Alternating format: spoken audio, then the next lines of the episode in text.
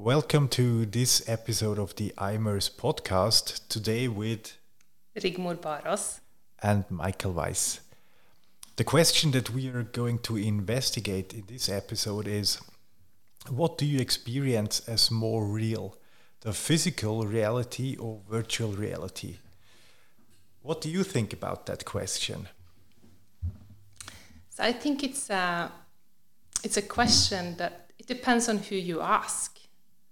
Because if you ask uh, a young person who's spending several hours a week, at least, in a virtual world, that virtual world might be as important to them as the physical world.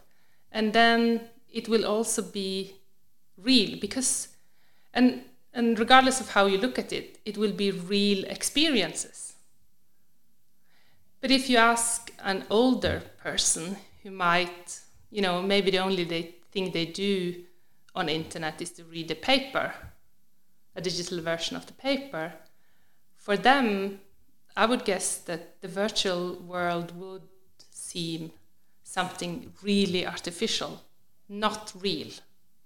So, summed up, uh, what you were saying is that it's first of all a question of generation, of age, but also a question of uh, in what ways you're using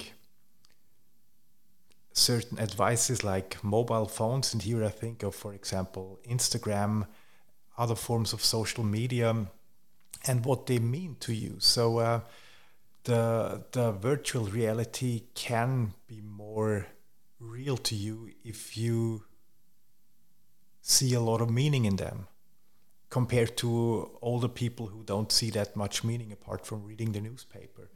Uh, but is that a problem? That there is a certain shift from the older generation to the younger one, and the younger one experiencing the virtual reality as more real and important.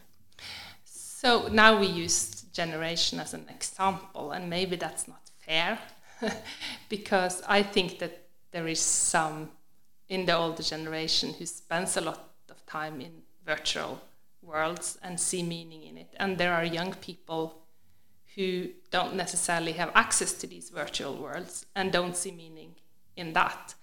So I think that it, it is, uh, so when we talk about whether it's real or not, maybe it's not dependent on generation, even if we use that as an example, but it's dependent on what kind of experiences you have so far and whether you do um, or have been active in on social media or other types of virtual worlds so that it has meaning to you. Because it, if it has meaning to you and this is a uh, somewhere where you are socializing and being with people you either know in the physical world or that you get to know in the virtual world, then I think that when, when you have those experiences, those experiences are real. Um, and it might be as important to you as the experiences you have in the physical world.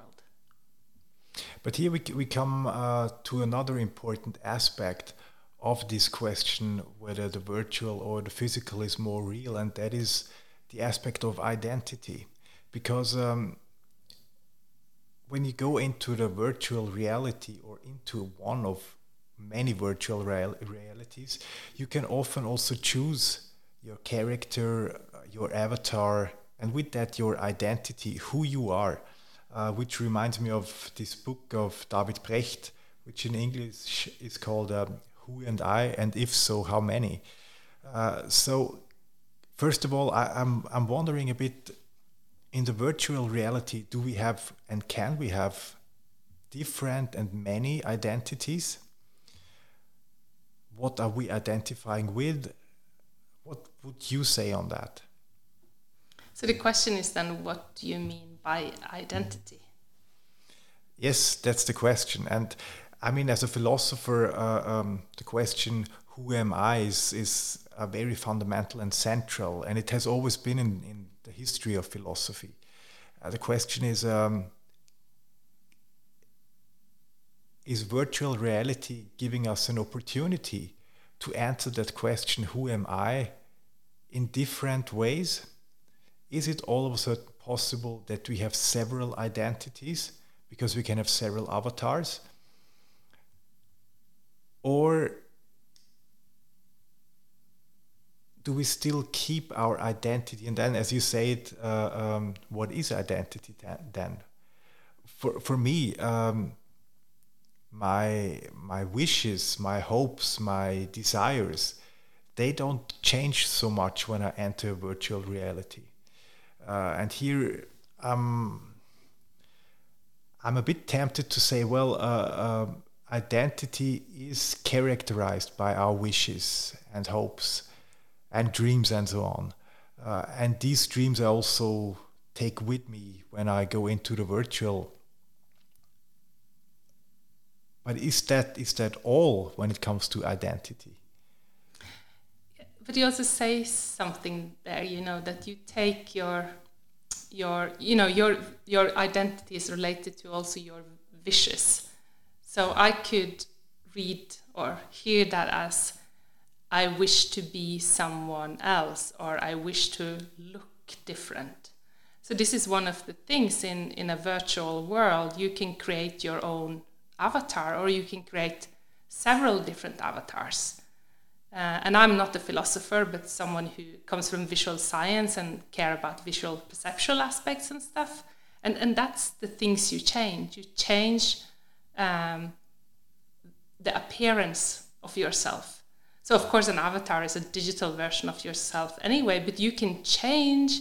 So if you're a female, you can look like a male, or you can look uh, you know, you can choose to look very pretty, or you can choose to look like a monster, or you know, those those uh, identities you have as an avatar are are sort of visual appearances rather than who you are. So if if the identity is something within you, maybe you don't change identity.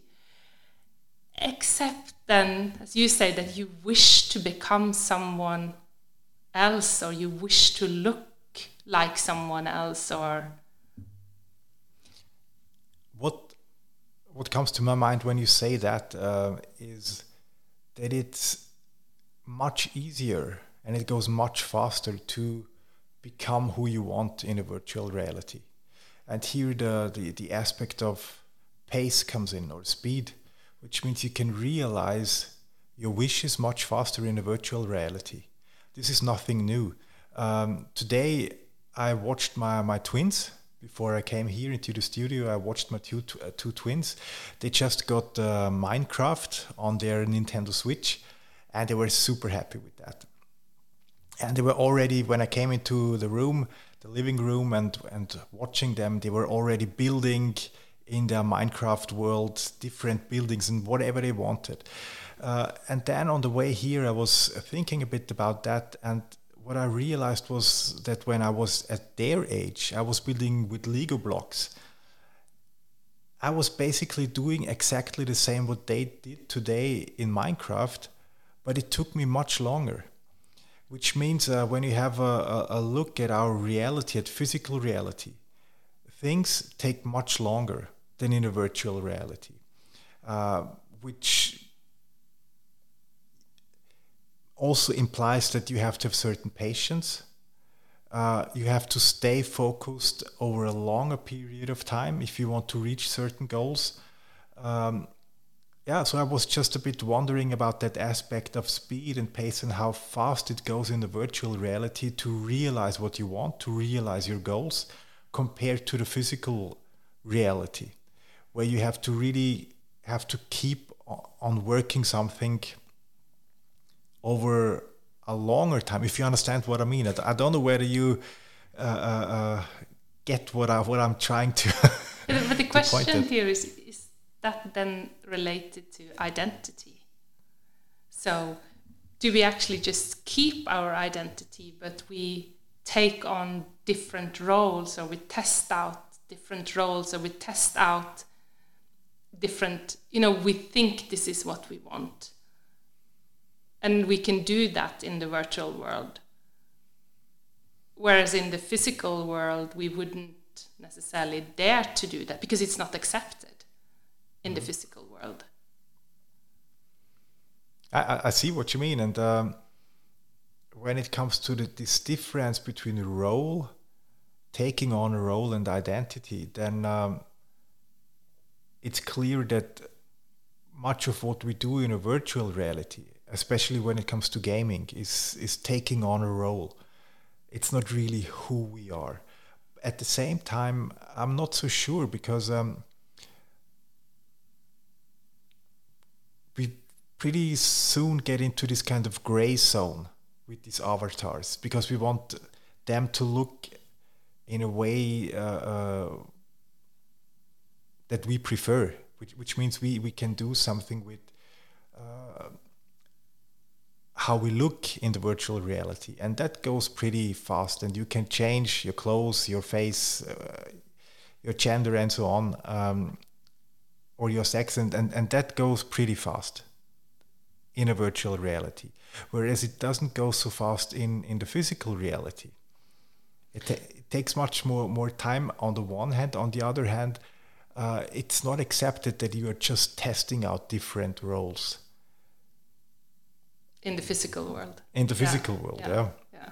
Yeah, so testing out who you, because then we might talk about testing out who you might think you are or who you might think you want to be, which we wouldn't do in the physical world, but we can do it at a very high pace in a virtual world. But, but what does this do to our identity? Will this will this shape our identity? I think so. I would uh, I would think so. Uh, as you just pointed out, in the virtual reality, we in general we dare more. It's much more easy it's much easier to be courageous in the virtual reality. Uh, also, because maybe um, it is less that is at stake. Like in video gaming, you have more lives, not only one, so you can fail. um, on the other hand, I would I would think that uh, daring to fail is something important that we maybe can learn from the virtual reality. Uh, in that sense, that you can learn from your mistakes, like when you when you're in a virtual reality and playing a certain game, and then you you die in there, and then you learn for the next time what you must not do. Uh, and I think this is something that we can see today that it's getting harder and harder for people, especially youngsters, to dare to fail. It's not accepted. You have to perform well. but so you then take us take us into this, you know, the kind of the power of virtual worlds, you know, because that's powerful that we can that we can uh, take on different roles, that we can do things that are risky, that we can fail because it doesn't matter uh, and then for some of us, it might affect us profoundly, but for others, they might not take any lessons from that. So, you know, earlier today we spoke about authenticity. You know, to what degree will an experience in a virtual world be authentic? Authentic in the sense that you actually take or learn a lesson or, or take wisdom from what you just experienced in a virtual world to transfer it to what you do in your physical world. So, for example, you, you mentioned uh, courage. So, how, you know, in what sense could this technology be used to develop courage, sensible, positive courage? Because we don't necessarily want everyone to go around uh, doing risky things all the time. That's not what we want. But a lot of people, you know, a lot of us could probably learn to be more courageous. But how do we do that in a virtual world and then so so it can be transferred as an authentic thing in the physical world? I think I can give you a, a concrete example on that question.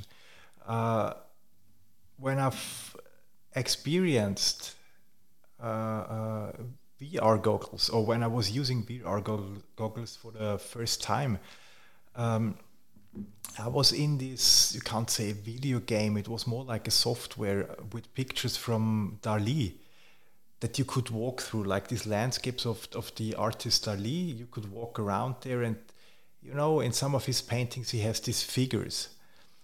And on some of these figures, you could you could walk so you, you were kind of like climbing these figures, and you they were pretty high. Uh, they appeared as almost more than 100 meters high. So I was standing on one of these figures and looking down. And when I imagine someone who is who has fear of heights, then this can be a form, and it is already used in several settings, um, where you can learn to deal with fear of heights in a quite safe way. And it's in fact, uh, I, I, can remember the moment when I was looking down, 100 meters down, and of course it's like this awe effect. Uh, so you can use that for something positive. You can you can make people used to certain situations in a very safe way, even though they might experience them as real, if you understand what I mean.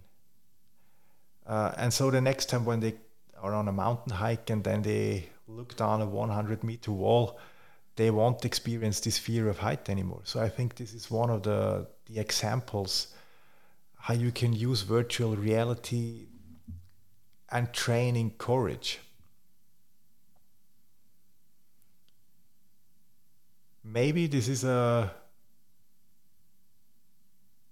a good point to finish our episode for today, where we went deeper into the question what do you experience as more real, the physical or the virtual reality? Thank you very much for listening in, and I hope that you are listening to the upcoming episode as well. Thank you very much.